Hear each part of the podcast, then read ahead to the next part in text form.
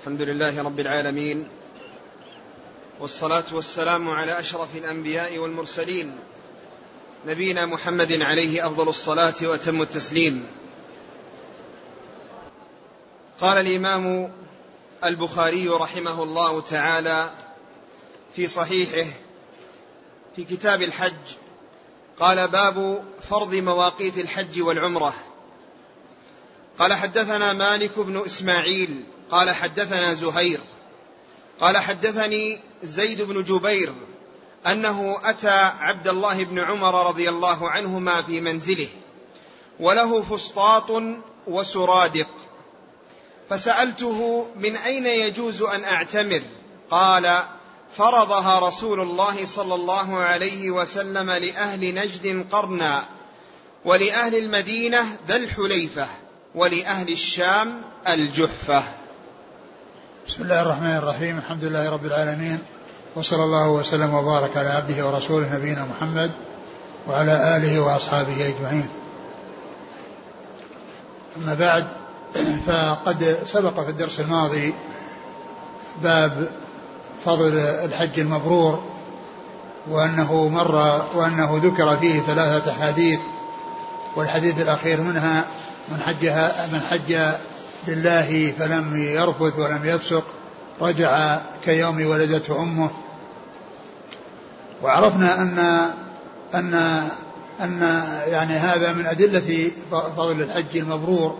وعرفنا الحج المبرور وأنه الذي يؤتى به طبقا لسنة الرسول صلى الله عليه وسلم بعيدا من الرفث والفسوق والجدال بمعنى أنه يمتثل فيه ما جاء من الأوامر وينتهى فيه عما جاء من النواهي وأن تكون حال الإنسان بعد الحج أحسن منها قبل الحج. وقوله رجع كيوم ولدت أمه يعني هذا آه، المراد به الصغائر. وأما الكبائر فإنه لا بد من التوبة منها. فلو أن إنسانا مرتكبا لكبيرة ولم يتب منها لا يقال إنه يرجع كيوم ولدت أمه لأنه ما ما حصل منه توبة. لكنه إذا تاب في حجه توبة نصوحا من جميع الذنوب والمعاصي آه، وندم على ما مضى وعزم في المستقبل على الا يعود على الا يعود آه، يعني إليها وتاب التوبه النصوح فإن هذه تكفر السيئات آه، الصغائر والكبائر. يكون تكفير الصغائر والكبائر. أما يعني آه، مع الإصرار على الكبائر وكون الإنسان مصر على كبيرة ولم يتب منها لا يقال أن الحج يكفرها وإنما يكفر الكبائر التوبة. التوبة النصوح هذه اللي تكفرها. والله عز وجل يقول إن تجتنبوا كبائر ما تنهون عنه نكفر عنكم سيئاتكم. إن تجتنبوا كبائر ما تنهون عنه نكفر عنكم سيئاتكم. وقال عليه الصلاة والسلام الجمعة إلى الجمعة والعمرة إلى العمرة ورمضان إلى الصلوات, الصلوات الخمس والجمعة إلى الجمعة ورمضان إلى رمضان مكفرات ما بينهن ما اجتنبت الكبائر. مكفرات ما بينهن ما اجتنبت الكبائر. فهذا يبين لنا أن أن التوبة أو الذي يعني يسلم منه بحجه أنها هي الصغائر تكفر وأما الكبائر فتحتاج إلى التوبة وتكفر بالتوبة. وقد جاء ما يدل أيضا يعني على ذلك آه، آه، من السنة في صحيح مسلم قول النبي صلى الله عليه وسلم العمرة إلى العمرة كفارة لما بينهما. ثم قال والحج المبرور ليس له جزاء إلا الجنة. العمرة إلى العمرة كفارة لما بينهما والحج المبرور ليس له جزاء الجنة. وكذلك في حديث عمرو بن العاص رضي الله تعالى عنه لما جاء ليسلم وقال إني أشترط قال وماذا تشترط؟ قال أن يغفر لي. فقال عليه الصلاة والسلام أما علمت أن الإسلام يهدم ما كان قبله وأن الهجرة تهدم ما كان قبلها وأن الحج يهدم ما كان قبله.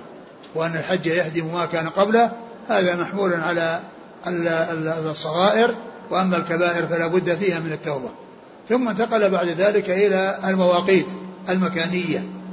والمواقيت المكانية هي أماكن جعلت محيطة بالحرم محيطة بمكة المكرمة وتتفاوت في القرب والبعد وأبعدها ميقات المدينة الذي هو ذي الحليفة.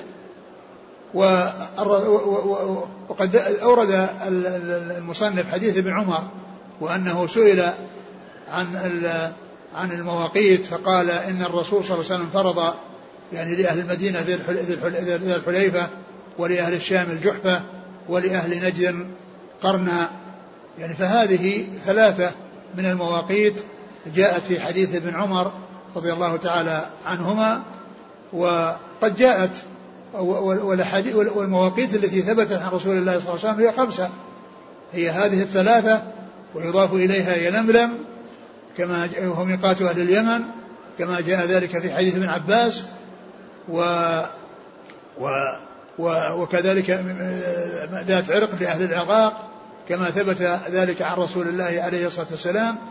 فهذه هي الخمسة المواقيت وهي محيطة بالحرم وتتفاوت في القرب والبعد. والمقصود والمراد من توقيتها وتحديدها أن الإنسان الذي يريد حجا أو عمرة لا يتجاوزها إلا وقد أحرم. أن من أراد حجا أو عمرة لا يتجاوز هذه المواقيت إلا وقد أحرم. أما إذا لم يرد حجا ولا عمرة فإنه يتجاوزها. يذهب إلى مكة متجاوزا لها ما دام أنه لا يريد حجا ولا عمرة. أما إذا كان مريدا للحج والعمرة فلا يتجاوزها إلا وقد أحرم بالنسك الذي يريده. يعني إما عمرة يعني في جميع أيام السنة أو عمرة مرتبطة بالحج وهي عمرة التمتع وكذلك الإفراد والقران والإحرام بهذه الأنساك التي هي الحج وما يضاف إليه من العمرة التمتع هذه تكون يعني في, في, في تكون في أشهر الحج تكون في أشهر الحج. وهذه المواقيت الزمنية والمواقيت الزمنية ستأتي عند قول الله عز وجل الحج أشهر معلومات الحج أشهر معلومات. هذه كالمواقيت الزمنية. وأما المواقيت المكانية فهي هذه الخمسة التي جاءت في حديث آه، في حديث عمر حديث ابن عمر وحديث آه، آه، ابن عباس وكذلك حديث عائشة رضي الله عنها.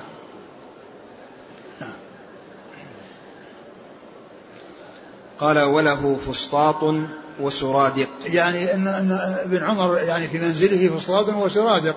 الفسطاط هو الذي يكون من يعني مثل الخيمة. يعني الذي يصنع من من الشعر أو من القطن. نعم. قال حدثنا مالك بن إسماعيل نعم. عن زهير بن معاوية. عن زيد بن جبير نعم. عن عبد الله بن عمر رضي الله عنهما. نعم. قال باب قول الله تعالى وتزودوا فإن خير الزاد التقوى قال حدثنا يحيى بن بشر قال حدثنا شبابة عن ورقاء عن عمرو بن دينار عن عكرمة عن ابن عباس رضي الله عنهما قال كان أهل اليمن يحجون ولا يتزودون ويقولون نحن المتوكلون فإذا قدموا مكة سألوا الناس فأنزل الله تعالى وتزودوا فإن خير الزاد التقوى رواه ابن عيينة عن عمرو عن عكرمة مرسلا. ثم ذكر باب قوله عز وجل وتزودوا فإن خير الزاد التقوى الحج له يعني يحتاج إلى سفر. والآخرة يعني لها سفر. وكل منهما يحتاج إلى زاد. أما سفر الدنيا فهو كل إنسان ينتقل من مكان إلى مكان ومن ذلك أن ينتقل من بلاده إلى مكة لأداء الحج أو العمرة. فالمسافر يتزود يتزود لسفره ما يحتاج إليه من النقود التي يتمكن فيها من شراء ما يريد واستئجار ما يريد فلا بد من أخذ الزاد الذي يتزود به الإنسان في سفره إما طعاما أو نقودا يشتري بها طعام أو غير طعام. المهم أن يتزود ولا يأتي يعني خالي اليدين ويسأل الناس فإن السؤال مذموم. وقد مر أحاديث عديدة تدل على يعني خطورة السؤال وأن وأن وأنه لا يليق وأنه لا يصار إليه إلا بضرورة أو حاجة ملحة تدعو تدعو إلى ذلك. فإذا سفر الدنيا لا بد فيه من زاد وسفر الآخرة لا بد فيه من زاد سفر الآخرة عمر الإنسان كله هو سفر في سفر إلى الآخرة. عمر الإنسان وحياة الإنسان هو مسافر إلى الآخرة. وينتهي هذا السفر بالموت. إذا مات قامت قيامته وجاءت ساعته وانتقل من دار العمل إلى دار الجزاء. وانتقل من دار العمل إلى دار الجزاء.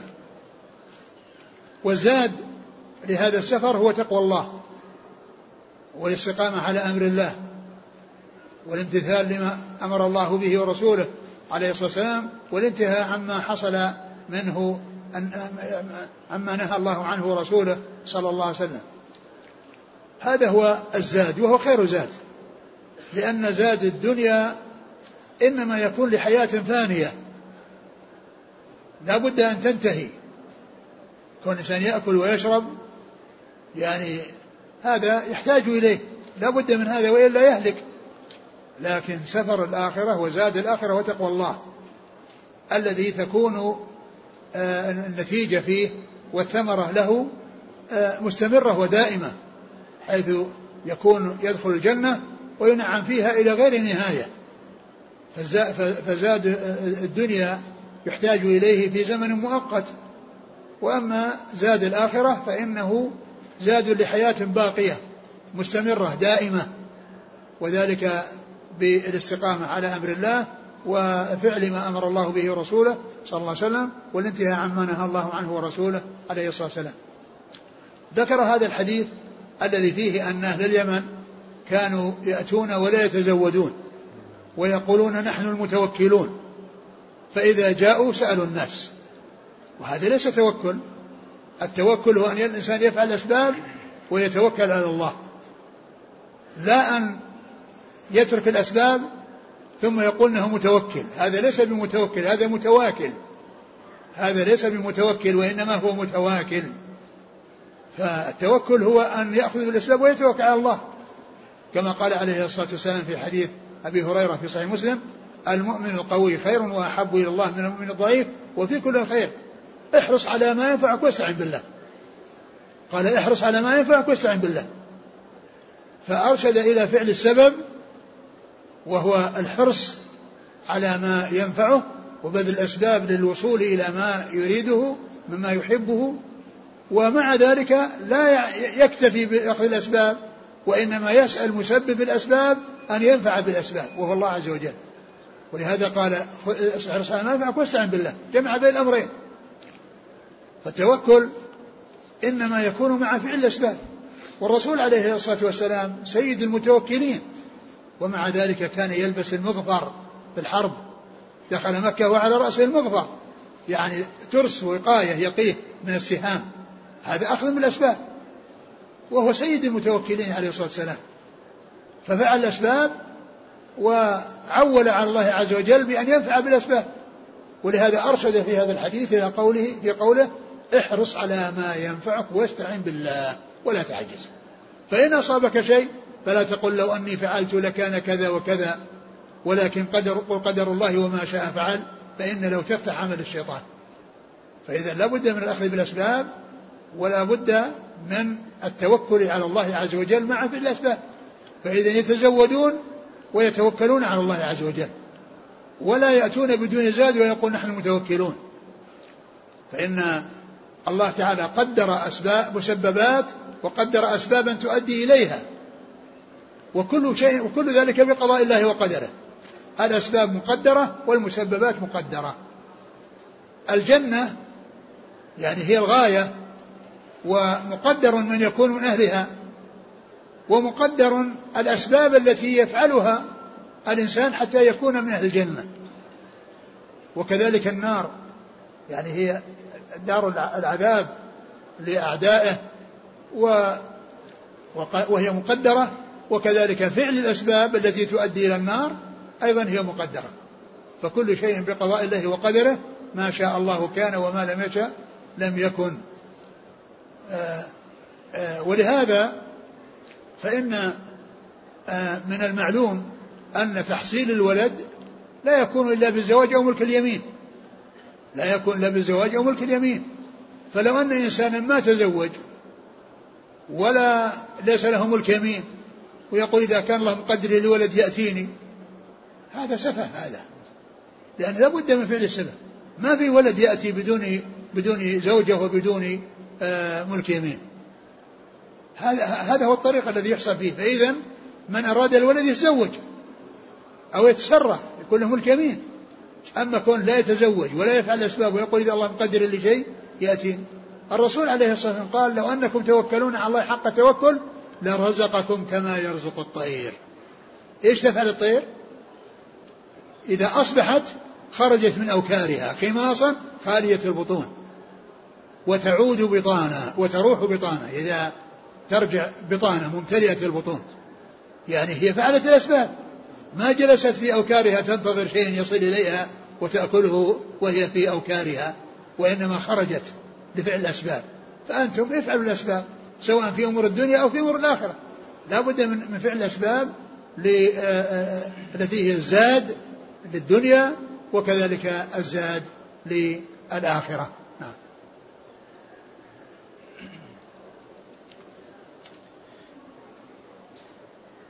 قال حدثنا يحيى بن بشر نعم. عن شبابة نعم بسوار نعم. عن ورقاء نعم. عن عمرو بن دينار نعم. عن عكرمة عن ابن عباس رضي الله عنهما. قال رحمه الله تعالى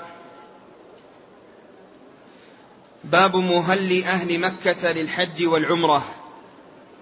قال حدثنا موسى بن إسماعيل قال حدثنا وهيب قال حدثنا ابن طاووس عن أبيه عن ابن عباس رضي الله عنهما أنه قال إن النبي صلى الله عليه وسلم وقت لأهل المدينة ذا الحليفة ولأهل الشام الجحفة ولأهل نجد قرن المنازل ولأهل اليمن يلملم. هن لهن ولمن أتى عليهن من غيرهن ممن أراد الحج والعمرة. ومن كان دون ذلك فمن حيث أنشأ حتى أهل مكة من مكة. ثم ذكر مهل أهل مكة للحج والعمرة. يعني المكان الذي يهلون به لحجهم وعمرتهم يهلون يدخلون في النسك ويلبون بعد دخولهم في النسك. والإهلال هو رفع الصوت بالتلبية. يعني ينوي بقلبه ثم يلبي. فيقول لبيك اللهم لبيك لبيك لا شريك لك لبيك. إن الحمد والنعمة لك والملك لا شريك لك. وهذه التلبية لا تكون إلا مع بعد الإحرام. إذا دخل في الإحرام بدأت التلبية. إذا بدأ الإحرام سواء بالحج أو العمرة بدأت التلبية. وتستمر إلى البدء بطواف بطواف العمرة إذا كان معتمرا. وإن كان آه، يعني حاجا فإن يعني آه، إذا أحرم بالحج واستمر فيه يعني ولم يعني آه، يعني ولم يكن متمتعا فإنه يبقى على إحرامه إلى يوم العيد حيث يرمي جمرة العقبة. وعندما يرمي عن جمرة العقبة تنقطع التلبية بالنسبة للحجاج. بالنسبة للحجاج تنقطع التلبية عند رمي جمرة العقبة. وأما بالنسبة للمعتمرين عند بدء الطواف. عند البدء بالطواف يقطع التلبية. ف أهل مكة يعني جاء في هذا الحديث التوقيت أو بيان المواقيت الأربعة التي هي لأهل المدينة ولأهل نجد ولأهل اليمن ولأهل الشام. ثم قال ومن كان دون ذلك فمن حيث أنشأ. يعني منازلهم بين المواقيت وبين مكة. ميقاتهم منازلهم. لا يجوز لهم يتجاوزوها غير محرمين. وإنما يحرمون من البلد الذي هم فيه ومن منازلهم. إذا كانوا بين الميقات وبين مكة. أما من كان خارج المواقيت من هذه المواقيت. من كان خارج المواقيت من هذه المواقيت. ومن كان داخل المواقيت من منزله. أو المكان الذي طرأ عليه أن يحرم منه. لأن كون إنسان دخل مكة تجاوز الميقات لا يريد حجا ولا عمرة. ثم طرأ له أن يحج. يحرم من المكان الذي طرأ له. وإذا كان ساكنا في قرية أو في مكان بين الميقات ومكة فإنه عندما يريد الحج والعمرة يحرم من منزله. وهكذا قال حتى أهل مكة من مكة. وإحرام أهل مكة أهل مكة من مكة إنما هو في الحج. يحرمون منها. يحرمون من منازلهم إذا أرادوا الحج. أما العمرة فإنهم يحرمون من الحل. يحرمون من من الحل من خارج الحرم. لأن النبي صلى الله عليه وسلم لما أرادت عائشة أن تعتمر بعد الحج ويعني لم يأمرها بأن تحرم من الحرم وإنما أمر أخاها عبد الرحمن ليخرج بها إلى التنعيم فأحرمت منه. فإذا أهل مكة عندما يحرمون يحرمون من الحل. فيكون في عمرتهم جمعوا بين الحج بين الحل والحرم. كما أنهم إذا أحرموا بالحج من مكة وذهبوا إلى عرفة جمعوا بين الحل والحرم لأن عرفة من الحل وليست من الحرم فالحجاج يعني من مكة يحرمون من مكة ويذهبون إلى إلى إلى منى وإلى عرفات وعرفات ليست من الحرم وإنما هي من الحل فجمعوا بين الحل والحرم وإذا أرادوا العمرة وخرجوا للحل ثم جاءوا معتمرين جمعوا بين الحل والحرم جمعوا بين الحل والحرم إذا الحديث الذي معنا دال على أهل مكة أو حكم أهل مكة بالنسبة للحج. أما بالنسبة للعمرة فإنهم يخرجون منها أي من مكة إلى الحل سواء كان التنعيم أو غير التنعيم ويحرمون من خارج الحرم. والرسول عليه الصلاة والسلام بين هذه المواقيت الأربعة لمن آه، لأهل المدينة وللشام ولليمن ولنجد. والمراد بنجد الأماكن المرتفعة. سواء كان جاءوا من جهة الطائف ومن جهة الجبال لأن النجد هو. يعني نجد المقصود الأماكن المرتفعة فسواء كانوا من جهة الشرق أو جاءوا من جهة الجنوب فإنهم يحرمون من من قرن الذي هو الذي هو ميقات أهل نجد وليس المقصود بنجد آه، نجد المعروف الذي هو إقليم والذي مشهور باسم نجد بل الأماكن المرتفعة التي جنوب فإنهم يحرمون يعني من من ذلك المكان أو من محاذاته. أما من جاء من الساحل من جهة الجنوب فهو يحرم من من يلملم. من جاء من الساحل ومن أرض تهامة فإنه يحرم من يلملم. أما الأماكن المرتفعة مثل الطائف وما وراءها الأماكن المرتفعة فإن إحرامهم من من قرن المنازل أو من محاذاته. آه، فحديث ابن عباس رضي الله تعالى عنه بين فيه آه، هذه المواقيت وأن أهل مكة يحرمون منها. وأورد الحديث من أجل آه، أن أهل مكة يحرمون من مكة. نعم. ممن أراد الحج والعمرة. ثم إنه قيد ذلك بقوله ممن أراد الحج والعمرة. أما من لا يريد حجا ولا عمرة يدخل كما يشاء لأنه ما أراد يدخل مكة لحاجة. يعني لتجارة أو يدخل لزيارة أو ما إلى ذلك ولم يرد حجا ولا عمرة فإنه يدخل ك ك ك كما يريد لكن لا يلزمه حج ولا إحرام. وإنما الإحرام يلزم من مر بالميقات يريد الحج أو العمرة فإنه يحرم المواقيت أما من لا يريد الحج ولا عمرة فإنه لا يحتاج إلى إحرام.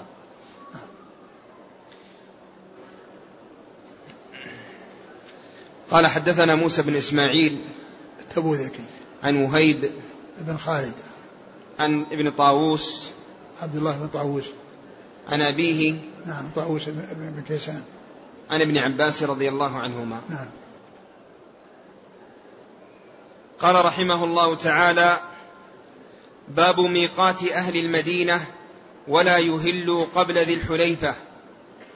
قال حدثنا عبد الله بن يوسف قال أخبرنا مالك عن نافع عن عبد الله بن عمر رضي الله عنه عنهما أن رسول الله صلى الله عليه وسلم قال يهل أهل المدينة من ذي الحليفة وأهل الشام من الجحفة وأهل نجد من قرن. قال عبد الله وبلغني أن رسول الله صلى الله عليه وسلم قال ويهل أهل اليمن من يمن يلملم.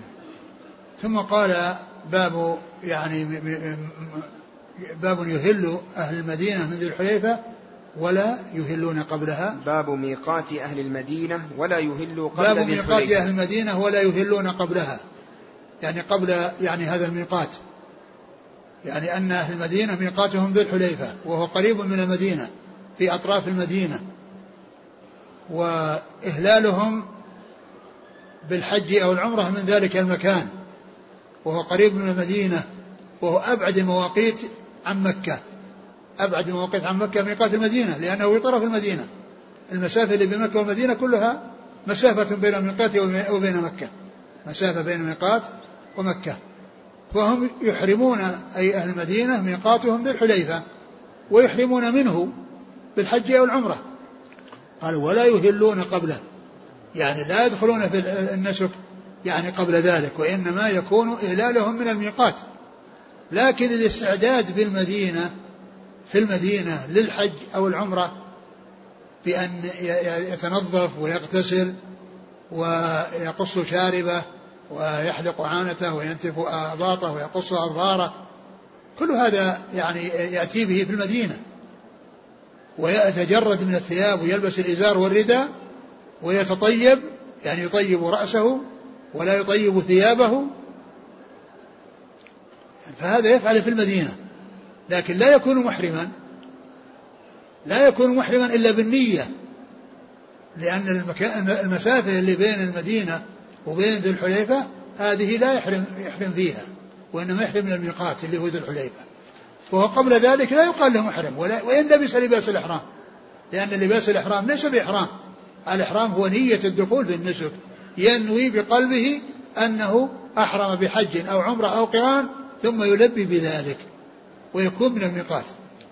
ولهذا لو أن إنسانا لبس إزاره ورداءه في المدينة يغطي رأسه يذهب إلى الميقات ورأسه مغطى بالرداء لأنه ما قال له محرم وإنما لبس لباس الإحرام استعدادا للإحرام.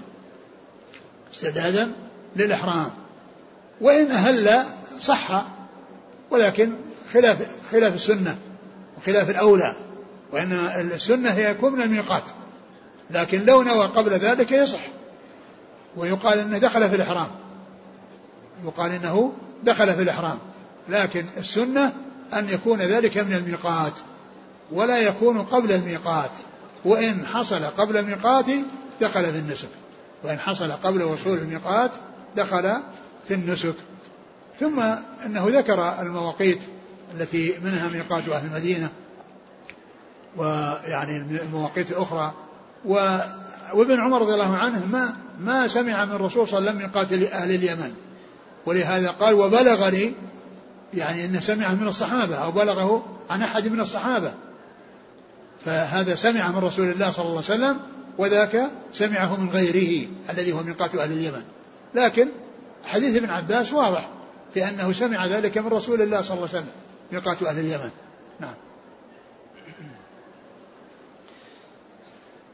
قال حدثنا عبد الله بن يوسف نعم مالك. عن مالك. هو التنيسي نعم. عن نافع. نعم. عن عبد الله بن عمر رضي الله عنهما. نعم. قال رحمه الله تعالى باب مهل أهل الشام. قال حدثنا مسدد قال حدثنا حماد عن عمرو بن دينار عن طاووس عن ابن عباس رضي الله عنهما. قال وقت رسول الله صلى الله عليه وسلم لأهل المدينة ذا الحليفة ولأهل الشام الجحفة ولأهل نجد قرن المنازل ولأهل اليمن يلملم فهن لهن ولمن أتى عليهن من غير أهلهن لمن كان يريد الحج والعمرة فمن كان دونهن فمهله من أهله وكذلك حتى أهل مكة يهلون منها. ثم ذكر مهل أهل, أهل الشام وأنهم يهلون من الجحفة. والبخاري رحمه الله يذكر الحديث أو الأحاديث بطرق متعددة ليستدل بها على موضوعات متعددة.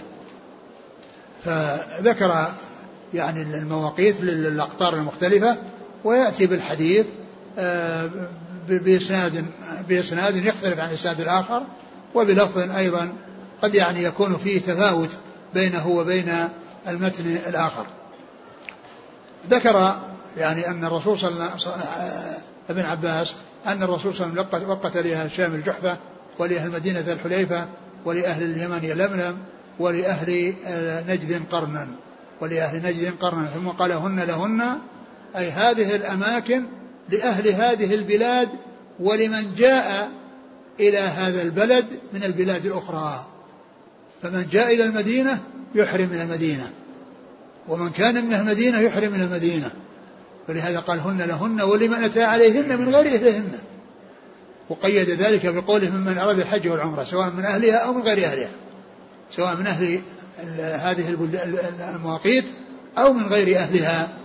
فإن فإن فإن الإهلال يكون يعني يكون منها. سواء كان الذي يهل من أهل ذلك المكان أو من غيره من مر من مر عليه. فمثلا الذي جاء من الرياض إلى المدينة ويريد أن يحج مدينة يحرم ميقات المدينة. وإن كان ميقاته قرن المنازل لكنه ما ذهب من, من, من نجد إلى قرن المنازل وإنما جاء إلى المدينة أولا. وكذلك مثل اليمنيين الذين يأتون من اليمن ولا يريدون أن يدخلوا مكة إلا بعد الحج إلا, إلا بعد زيارة المدينة. فإنهم يعني يأتون ويتجاوزون الميقات قاصدين المدينة لأنهم ما ما تجاوزوا الميقات يريدون النسك. وإنما تجاوزوا الميقات عابرين ومارين إلى المدينة ثم يحرمون من ميقات المدينة ثم يحرمون من ميقات المدينة. فإذا من مر بهذه المواقيت مريدا حجا أو عمرة فإنه يحرم منها. وأهل اليمن الذين مروا بالمواقيت ميقات اليمن ولم يريدوا الإحرام بالحج والعمرة من, من, من, من ذلك المكان وإنما أرادوا يذهبوا إلى جهة الشمال ويأتون إلى المدينة. أو واحد منهم من أهل اليمن جاء يذهب إلى تبوك ويريد أن يأتي من تبوك يعني إلى, إلى المدينة ثم يحرم من المدينة. كل ذلك يعني كل ذلك سهل. حاصل أن أن الحكم في هذه المواقيت لأهل تلك لأهل تلك المواقيت ولمن مر عليها من غيرهم ولمن مر عليها من غيرهم. وهذا في حق من أراد حجا أو عمرة أما من لا يريد حجا وعمرة كما عرفنا يأتي يذهب إلى مكة كما يشاء ولا وليس ملزما بحج وعمرة إذا كان ليس مريدا لهما. نعم. قال حدثنا مسدد. مسدد بن مسرهد. عن حماد بن زيد. عن عمرو بن دينار نعم. عن طاووس نعم. عن ابن عباس رضي الله عنهما. نعم. قال رحمه الله تعالى باب باب مهل أهل نجد. قال حدثنا علي قال حدثنا سفيان. حفظناه من الزهري عن سالم عن أبيه رضي الله عنه. وقت النبي صلى الله عليه وسلم. نعم كمل. انتهى. اللي بعده. الذي بعده. حدثنا قال حدثنا أحمد قال حدثنا ابن وهب قال أخبرني يونس عن ابن شهاب عن سالم عن سالم بن عبد الله عن أبيه رضي الله عنه. قال سمعت رسول الله صلى الله عليه وسلم يقول مهل أهل المدينة ذو الحليفة ومهل أهل الشام أهل الشام مهيعة. مهيعة. مهيعة. نعم. وهي الجحفة وأهل نجد قرن. قال ابن عمر رضي الله عنهما زعموا أن النبي صلى الله عليه وسلم قال ولم أسمعه ومهل أهل اليمن يلملم. ثم ذكر بعد ذلك باب مهل, مهل أهل نجد. مهل أهل نجد يعني المكان الذي يهل منه أهل نجد ويدخلون فيه بالحج أو العمرة. وذكر في حديث ابن عمر الذي فيه ذكر الثلاثة التي سمعها من رسول الله عليه الصلاة والسلام والرابع الذي ما سمعه منه ولكنه بلغه عن غيره. ومعلوم أن مراسيل الصحابة حجة لأن الصحابة يأخذون عن الصحابة. فإذا أخذ أحد عن عن أحد فإن الغالب أن الأخذ عن الصحابة. فتكون يعني فيما يتعلق بهذا الذي هو سمعه هذه سمعها بنفسه وأما تلك وأما ميقات أهل اليمن فلم يسمع بنفسه وإنما بلغه عن غيره وإنما بلغه عن غيره. نعم. وما هي؟ هي اسم للجحفة. نعم. قال حدثنا علي. علي بن مديني عن سفيان. وابن عيينة. عن الزهري نعم. عن سالم سالم بن عبد الله بن عمر. عن أبيه. نعم. رضي الله قال وقت نعم. وقت النبي صلى الله عليه وسلم. نعم. نعم والثاني؟ قال حدثنا أحمد. هو؟ أحمد. أحمد. أحمد. عيسى. بن عيسى التشتري؟ نعم. نعم. عن ابن وهب. عبد الله بن وهب. عن يونس بن يزيد. عن ابن شهاب نعم. عن سالم عن أبيه. إيه، أقرأ. عن سالم عن أبيه كمل. رضي الله عنه قال سمعت رسول الله صلى الله عليه وسلم يقول مهل أهل المدينة ذو الحليفة. يعني الإسناد الأول ساقه إلى أن قال إلى, إلى, إلى عبد الله بن عمر قال وقت رسول الله وقت وقت النبي. النبي صلى الله عليه وسلم. وقت النبي صلى الله عليه وسلم. والثاني يقول سمعت رسول الله صلى الله عليه وسلم يقول كذا. فإذا الإسنادين يعني آه، الإسناد الأول الذي فيه علي بن مديني قال فيه وقت وقت النبي صلى الله عليه وسلم عبر بالنبي. وأما في الثاني يعني الذي فيه أحمد التستري قال سمعت رسول الله صلى الله عليه وسلم.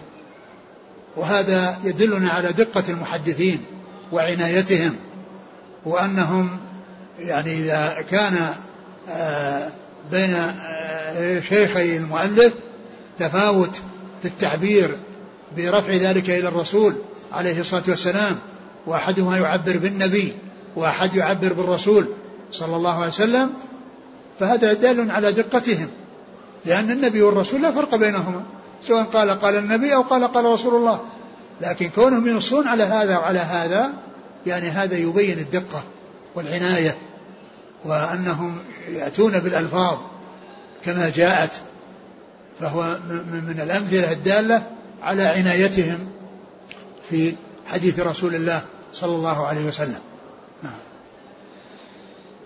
قال رحمه الله تعالى باب مهل من كان دون الميقات من دون المواقيت قال حدثنا قتيبة قال حدثنا حماد عن عمرو عن طاووس عن ابن عباس رضي الله عنهما أن النبي صلى الله عليه وسلم وقت لأهل المدينة ذا الحليفة ولأهل الشام الجحفة ولأهل اليمن يلملم ولأهل نجد قرنا فهن لهن ولمن أتى عليهن من غير أهلهن ممن كان يريد الحج والعمرة.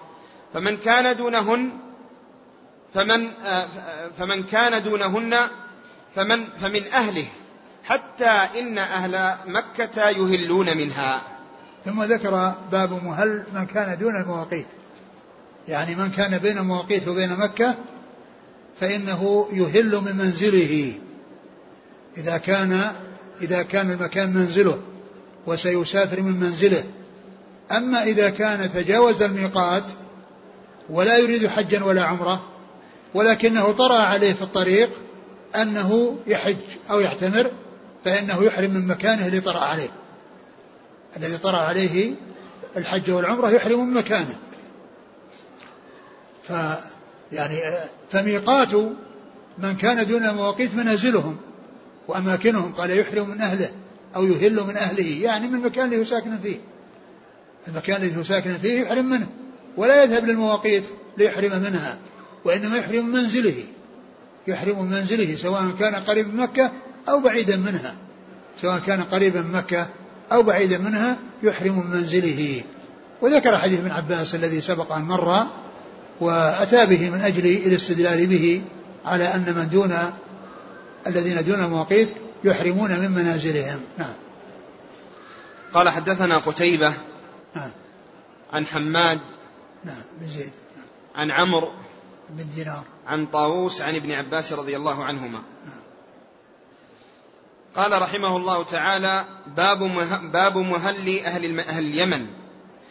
قال حدثنا معل بن أسد قال حدثنا وهيب عن عبد الله بن طاووس عن أبيه عن ابن عباس رضي الله عنهما أن النبي صلى الله عليه وسلم وقت لأهل المدينة ذا الحليفة ولأهل الشام الجحفة ولأهل نجد قرن المنازل ولأهل اليمن يلملم هن, هن لأهلهن ولكل آت أتى عليهن من غيرهم ممن أراد الحج والعمرة. فمن كان دون ذلك فمن حيث أنشأ حتى أهل مكة من مكة.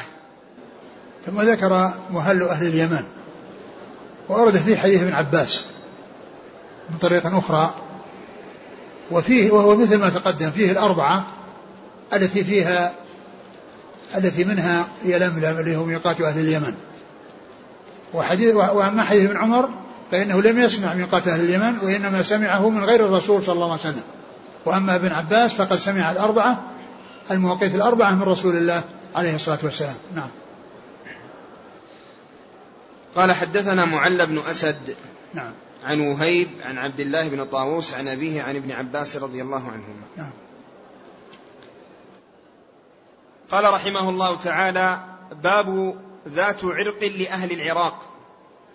قال حدثنا علي بن مسلم قال حدثنا عبد الله بن نمير قال حدثنا عبيد الله عن نافع عن ابن عمر رضي الله عنهما قال أنه قال لما فتح هذان المصران أتوا عمر فقالوا يا أمير المؤمنين إن رسول الله صلى الله عليه وسلم حد لأهل نجد قرنا وهو جور عن طريقنا.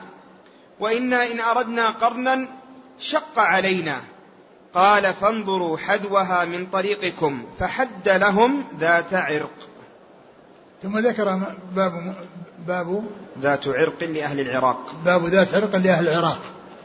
أي أن ذات عرق هو الذي يهل منه أهل العراق. الذي يهل منه أهل العراق. وهو بين ميقات ميقات النجد وميقات المدينة. وذكر فيه حديث ابن عمر أن أنه لما فتح المصران يعني وهما يعني الكوفة والبصرة يعني قالوا إن نجدا إن قرنا بعيد جور عن طريقنا يعني بعيد. لو ذهبوا إليه لكان فيه زيادة مشقة عليهم. فيعني فقال انظروا حذوها من طريقكم فحد لهم ذات عرق فحد لهم ذات عرق. وقد جاء في بعض الأحاديث يعني ذلك مرفوعا إلى رسول الله عليه الصلاة والسلام لكنه ليس يعني مما خرجه البخاري وليس ما كان على شرطه ولهذا أورد ما جاء عن عمر رضي الله عنه. و ولا تنافي بين ما جاء يعني عن عمر وعن من كونه هو الذي وقت لهم ذلك المكان وما جاء عن رسول الله عليه الصلاة والسلام في خارج الصحيح لأن آآ آآ لأنه لم يبلغ عمر رضي الله عنه يعني تلك السنة وهي أن ذات عرق ميقات لأهل العراق واجتهد وحدها أو حد لهم يعني هذا المكان وجعله ميقاتا لهم باجتهاده رضي الله عنه. وهذا من موافقات عمر للحق فإن عمر رضي الله عنه جاء في الحديث الصحيح عن النبي صلى الله عليه وسلم قال إنه كان قد كان في الأمم قبلكم محدثون فإن يكن في أمتي أحد فإنه عمر. وذلك أنه كان يقول الشيء ثم يأتي الوحي ويكون الشيء مطابقا مطابقا لما جاء عن عمر رضي الله عنه. يعني يكون ما يكون فعل عمر مطابقا لما جاء عن الرسول صلى الله عليه وسلم من الوحي. فإذا عمر رضي الله عنه ما بلغه الذي ثبت عن رسول الله عليه السلام ولكنه اجتهد فوافق الحق وموافقات عمر عديدة يعني منها يعني هذا ومنها أنه لما ذهب إلى الشام لافتتاح يعني في ذهب إلى الشام ل لأنه يعني طلب منه أن يأتي فجاء ولكنه لما وصل في أثناء الطريق قيل له إن الوباء وقع في الشام. إن الوباء وقع في الشام. فجمع الناس واستشارهم. من الناس من قال ادخل ولا تفر من قدر الله. ومنهم من قال لا تعرض أصحاب الرسول صلى الله عليه وسلم للموت. بأن تدخلهم على الطاعون فيهلكون بسبب الوباء. فاستشار استشار ف يعني اختلف الناس. منهم من قال اذهب ومنهم من قال ارجع. ولكنه بعد ذلك عزم على الرجوع وقال إنني مصبح على ظهر. يعني معناه إذا أصبح يبي يركب بعيره يرجع للمدينة. فقال أبو عبيدة وهو ممن يرى الدخول وعدم الرجوع تفر من قدر الله يا أمير المؤمنين؟ قال لو غيرك قالها يا أبا عبيدة نفر من قدر الله إلى قدر الله. نفر من قدر الله إلى قدر الله. كان عبد الرحمن بن عوف رضي الله عنه معهم في تلك السفرة ولكنه ما كان موجودا عند المحاورة والمن... و... و... والكلام في مسألة الطاعون وهل يدخلون أو يعودون. فلما بلغه ذلك قال عندي عندي فيها علم عن رسول الله صلى الله عليه وسلم. عندي فيها علم عن رسول الله صلى الله عليه وسلم. قال عليه الصلاة والسلام إذا وقع الطاعون وأنتم في بلد فلا تخرجوا فرارا منه. وإذا وقع فلا تدخلوا عليه. إذا كنتم يعني لستم في البلد وأنتم علمتم بأن البلاد موبوءة لا تدخلوا في, في, في بلد الوباء. في البلد الموبوء لا تدخلوا. فسر بذلك عمر لأن اجتهاده وافق حديث الرسول صلى الله عليه وسلم الذي كان عند عبد الرحمن بن عوف. وفيه مسائل عديدة. قالها موافقات عمر وهي مسألة اتخاذ مقام إبراهيم وصلى وحجاب حجب زوجات الرسول صلى الله عليه وسلم ومسائل متعددة ولكن هذا الذي معنا الآن هو منها لأن ميقات العراق حدده رسول الله صلى الله عليه وسلم في بعض الأحاديث و آه والبخاري يعني رواه أنه من فعل عمر وقد عرفنا أنه لا تنافي لأن الرسول حدد وذلك لم يبلغ عمر ولا واجتهاد عمر وقع مطابقا لما وقته رسول الله صلى الله عليه وسلم. قال حدثنا علي بن مسلم عن عبد الله بن نمير عن عبيد الله هو العمري المصغر. عن نافع عن ابن عمر رضي الله عنهما. قال رحمه الله تعالى باب حدثنا عبد الله بن يوسف قال أخبرنا مالك عن نافع عن عبد الله بن عمر رضي الله عنهما أن رسول الله صلى الله عليه وسلم أناخ بالبطحاء بذي الحليفة فصلى بها. وكان عبد الله بن عمر رضي الله عنهما يفعل ذلك. ثم ذكر ترجمة باب بدون ترجمة. والمعروف أن الباب إذا خلا من ترجمة عند البخاري فإنه يعتبر كالفصل من الباب الذي قبله. كالفصل من الباب الذي قبله. والباب الذي قبله يتعلق بميقات أهل العراق. والحديث الذي فيه الذي ذكره يعني في كون رسول أناق في ذي الحليفة وأنه يعني أحرم منها لا علاقة له في هذا الباب. ولكن له علاقة بالأبواب السابقة التي هي ذكر المواقيت ميقات المدينة. يعني فإذا آه، إذا علاقته بالأبواب السابقة وليس بالباب الذي قبله مباشرة. لأن الباب الذي قبله مباشرة ما له علاقة به. لأن هذا يتعلق بميقات أهل العراق وهذا يتعلق بكون الرسول نزل وصلى في ذي الحليفة. ولكن له علاقة في الأحاديث التي فيها ذكر الحليفة ذي الحليفة وهي المتقدمة وهي عديدة. والمقصود من هذا أن ميقات ذي الحليفة فيه صلاة وأن الرسول صلى الله عليه وسلم صلى فيه.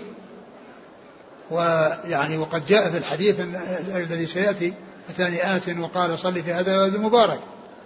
صل في هذا الوادي المبارك وقع عمرة في حجة أو عمرة وحجة فإذا علاقته بالأبواب السابقة التي فيها ذكر ذي الحليفة. وأتى به من أجل أن فيه صلاة. وميقات ذي الحليفة. يعني إذا جاء الإنسان إليه إن أراد أن ينزل ويصلي يعني فريضة ويحرم بعدها أو يصلي نافلة فيحرم بعدها فعل. لكنه لا يفعل ذلك ويأتي ذلك بأن يصلي في أوقات النهي التي بعد العصر وبعد الفجر. لأنها لا تقصد الأماكن للصلاة من أجل آآ آآ في أوقات النهي مثل لا يذهب مثل أنه لا يذهب إلى قبى ليصلى فيه بعد العصر وإنما يذهب إليه في أوقات أخرى ليصلى فيه. أما يعني من أراد أن ينزل فله أن ينزل ويصلي فيه وليس بلازم ومن أراد أن يحرم إذا حاذاه يعني وهو في السكة وفي الطريق ولا يلزمه النزول. لكن فيه ذكر الصلاة. فإذا فيه شيء يخصه. ولهذا فإن لم يأتي سنة عن رسول الله صلى الله عليه وسلم في أن الإحرام له صلاة. إلا فيما يتعلق بذي الحليفة فإنه صلى. ومعلوم أن الرسول صلى الله عليه وسلم صلى فيه صلوات مفروضة وأنه آه، خرج بعد صلاة الظهر يعني من ذي الحليفة لأنه آه، صلى الظهر ومشى إلى مكة عليه الصلاة والسلام. فإذا ميقات المدينة جاء فيه ما يدل على الصلاة فيه. فإذا لا بأس بذلك له الإنسان أن ينزل. لكن الأماكن الأخرى ليس هناك دليل يدل على أن الإنسان ينزل ويصلي فيها. وأما هذا ففيه دليل وأيضا فيه التنصيص على أنه واد مبارك. وهذه البركة يعني يعني لا تقصد في غير الحج. ما يروحون الناس يروحون الميقات يروحون يصلون فيه. يعني في يزورونه ويصلون فيه لأنه ما جاء شيء يدل عليه. والرسول صلى الله عليه وسلم ما ما ذهب إليه وصلى فيه إلا في في في, في حجه وعندما أراد أن يذهب للحج عليه الصلاة والسلام. أقرأ الحديث. قال أن رسول الله صلى الله عليه وسلم أناخ بالبطحاء بذي الحليفة فصلى بها. وكان عبد الله بن عمر رضي الله عنهما يفعل ذلك. نعم الرسول أناخ يعني أناخ بعيره وكان راكبا على بعيره فأناخه. ومعلوم أن النبي صلى الله عليه وسلم صلى الظهر في المدينة أربعا ثم خرج إلى ذي الحليفة وصلى بها العصر ركعتين. صلى بها العصر ركعتين ثم صلى المغرب ثلاث ركعات وصلى العشاء ركعتين مقصورة وصلى الفجر كما هي وصلى الظهر من الغد مقصورة وخرج بعدها أو ذهب بعدها صلوات الله وسلامه وبركاته عليه. قال حدثنا عبد الله بن يوسف نعم. عن مالك عن نافع عن عبد الله بن عمر رضي الله عنهما. نعم. قال رحمه الله تعالى باب خروج النبي صلى الله عليه وسلم على طريق الشجرة. قال حدثنا إبراهيم بن المنذر قال حدثنا أنس بن عياض عن عبيد الله عن نافع عن عبد الله بن عمر رضي الله عنهما أن رسول الله صلى الله عليه وسلم كان يخرج من طريق الشجرة ويدخل من طريق المعرس. وإن رسول الله صلى الله عليه وسلم كان إذا خرج إلى مكة يصلي في مسجد الشجرة. وإذا رجع صلى بذي الحليفة ببطن الوادي وبات حتى يصبح. ثم ذكر باب الخروج. خروج النبي صلى الله عليه وسلم على طريق الشجرة. باب خروج النبي صلى الله عليه وسلم على طريق الشجرة. يعني خروج النبي صلى الله عليه وسلم إلى الحج أو العمرة يعني على طريق الشجرة. والشجرة هي شجرة كانت في ذلك الوقت. وكانت يعني عندها المسجد فالرسول كان يخرج يعني آه، من ذلك الطريق. ومعلوم أنه ينزل ويعني كما كما جاء أنه نزل وبات وصلى يعني آه، خمس صلوات يعني في آه، في في, في ذي الحليفة. فكان يخرج عن طريق الشجره وكان يصلي في هذا المسجد الذي يعني هو عند الشجرة. وإذا رجع ينزل يعني في ذي الحليفة ولكنه في مكان أقرب منه يقال له المعرس. والمعرس هو المكان الذي يعني يعرس فيه أو ينزل فيه في آخر الليل فيبيتون. فالرسول صلى الله عليه وسلم كان يبيت ويكمل ثم يدخل المدينة ضحى. ثم يدخل المدينة ضحى صلوات الله وسلامه وبركاته عليه. فكان يخرج من طريق هذا الوادي ويرجع من طريق هذا الوادي إلا أن نزوله رجوعه يكون في مكان أقرب من المكان الذي يكون فيه الخروج والذي يكون منه الإحرام. نعم. قال حدثنا إبراهيم بن المنذر نعم. عن أنس بن عياض نعم. عن عبيد الله عن نافع عن عبد الله بن عمر رضي الله عنه.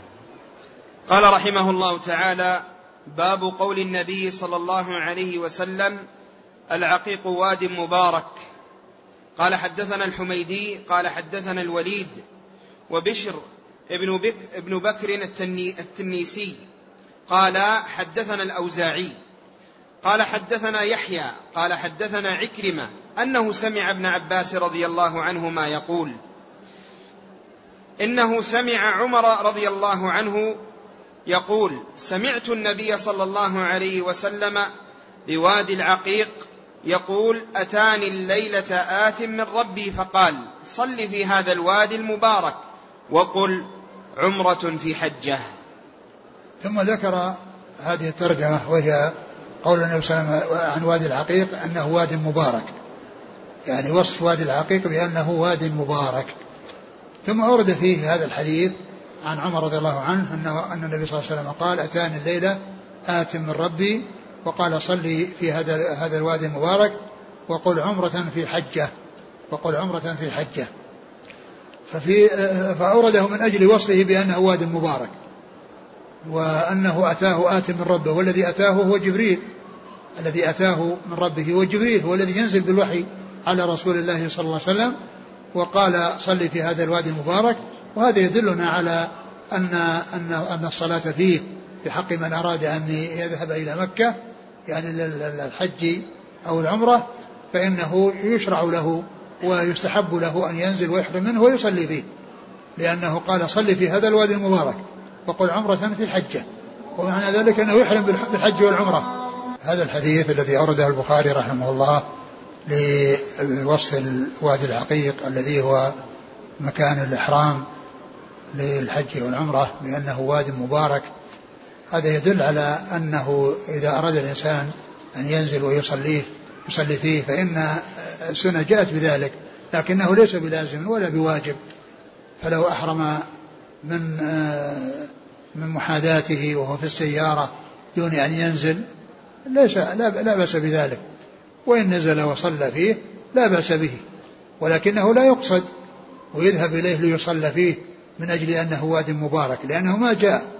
عن النبي صلى الله عليه وسلم أنه كان يذهب إليه ويصلي فيه. ولا أرشد الناس لأن يذهبوا إليه ويصلوا فيه. وإنما أرشدهم بأن يذهبوا إلى قبى من قوله وفعله صلى الله عليه وسلم.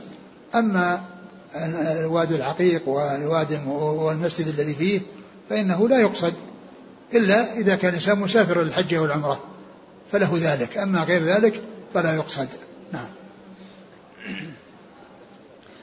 قال حدثنا الحميدي الحميدي هو عبد الله بن الزبير المكي عن الوليد بن مسلم. وبشر بن بكر. نعم. حد قال عن الأوزاعي نعم. عن يحيى. الأوزاعي هو عبد الرحمن بن عمرو ويحيى بن أبي كثير. نعم. عن عكرمة. نعم. عن ابن عباس رضي الله عنهما. نعم. عن عمر رضي الله عنه. نعم. قال حدثنا محمد بن أبي بكر قال حدثنا فضيل بن سليمان قال حدثنا موسى ابن عقبة قال حدثني سالم بن عبد الله عن أبيه رضي الله عنه عن النبي صلى الله عليه وسلم أنه رؤي وهو في معرس بذي الحليفة ببطن ببطن الوادي قيل له إنك ببطحاء مباركة وقد أناخ بنا سالم يتوخى بالمناخ الذي كان عبد الله ينيخ يتحرى معرس رسول الله صلى الله عليه وسلم. وهو المتن. قال. قال عن النبي صلى الله عليه وسلم أنه رؤي وهو في معرس بذي الحليفة ببطن الوادي. قيل له إنك ببطحاء مباركة. وقد أناخ بنا سالم يتوخى بالمناخ الذي كان عبد الله يت... الذي كان عبد الله ينيخ يتحرى معرس رسول الله صلى الله عليه وسلم وهو أسفل من المسجد الذي ببطن الوادي بينهم وبين الطريق وسط من ذلك. ثم ذكر هذا الحديث عن ابن عمر رضي الله عنهما وهو يتعلق بوصف الوادي بأنه مبارك وصف الوادي بأنه مبارك وأن الرسول صلى الله عليه وسلم كان يعني آه، عندما يأتي وعندما ينصرف مكة يعني يبيت فيه ويدخل آه، المدينة ضحى وأن ابن عمر رضي الله عنه كان يفعل يعني ذلك أو يفعل كما فعل الرسول صلى الله عليه وسلم وينزل في المكان الذي نزل فيه الرسول صلى الله عليه وسلم وأن ابنه سالم كان يفعل كان يفعل ذلك والمقصود منه أي من إراد الحديث آه، ذكر البطحة بأنها مباركة بأن البطحة مباركة وهنا قال الوادي المبارك وهنا قال بطحة مباركة قال حدثنا محمد بن أبي بكر نعم. عن فضيل بن سليمان نعم. عن موسى بن عقبة نعم. عن سالم عن أبيه رضي نعم. الله عنه نعم. قال باب غسل الخلوق ثلاث مرات من الثياب. والله تعالى أعلم وصلى الله وسلم وبارك على عبده ورسوله نبينا محمد وعلى آله وأصحابه أجمعين. أحسن الله إليكم وبارك فيكم ونفعنا الله بما قلتم وغفر الله لنا ولكم والمسلمين أجمعين. كثرت الأسئلة عن جدة هل هي ميقات؟ هي ميقات لأهل جدة. أقول هي ميقات لأهل جدة ولمن كان في جدة وأراد أن يحرم. يحرم فإنه يحرم من جدة. وهل التنعيم يعد ميقاتا؟ وهل هي هل هو خاص بالحيض أم من كان عنده عذر؟ التنعيم ليس ميقات. خارج خارج الحرم الحل من جميع الجهات هو المكان الذي يحرم منها المكة. المكان الذي يحرم أهل مكة ومن كان في في مكة من من ليس من أهلها. مثل مثل مثل بالنسبة ما حصل لعائشة رضي الله عنها. أهل مكة إذا أرادوا أن يحرموا يحرمون من أي مكان خارج الحرم ليجمعوا بين الحل والحرم وأما غيرهم من الآفاقيين فإنهم يأتون محرمين داخلين إلى مكة محرمين. لا أن يخرجوا منها لبضعة كيلوات ثم يعودون محرمين ويأتي باليوم. بعدة عمر هذه لفلان وهذه لفلان وهذه لفلان. ما كان الرسول صلى الله عليه وسلم فعل ذلك وما فعله الصحابة. بل إنهم كانوا نازلين بالأبطح في ليلة الليلة الرابعة عشرة عندما انصرف من منى عليه الصلاة والسلام ونزل بالأبطح وطلبت منه عائشة أن تأتي بعمرة لأنها لم تحصل لم يحصل لها الاعتمار عندما دخلت مكة وهي محرمة من العمرة بسبب الحيض. وجاء الخروج إلى الحج فأمرها بأن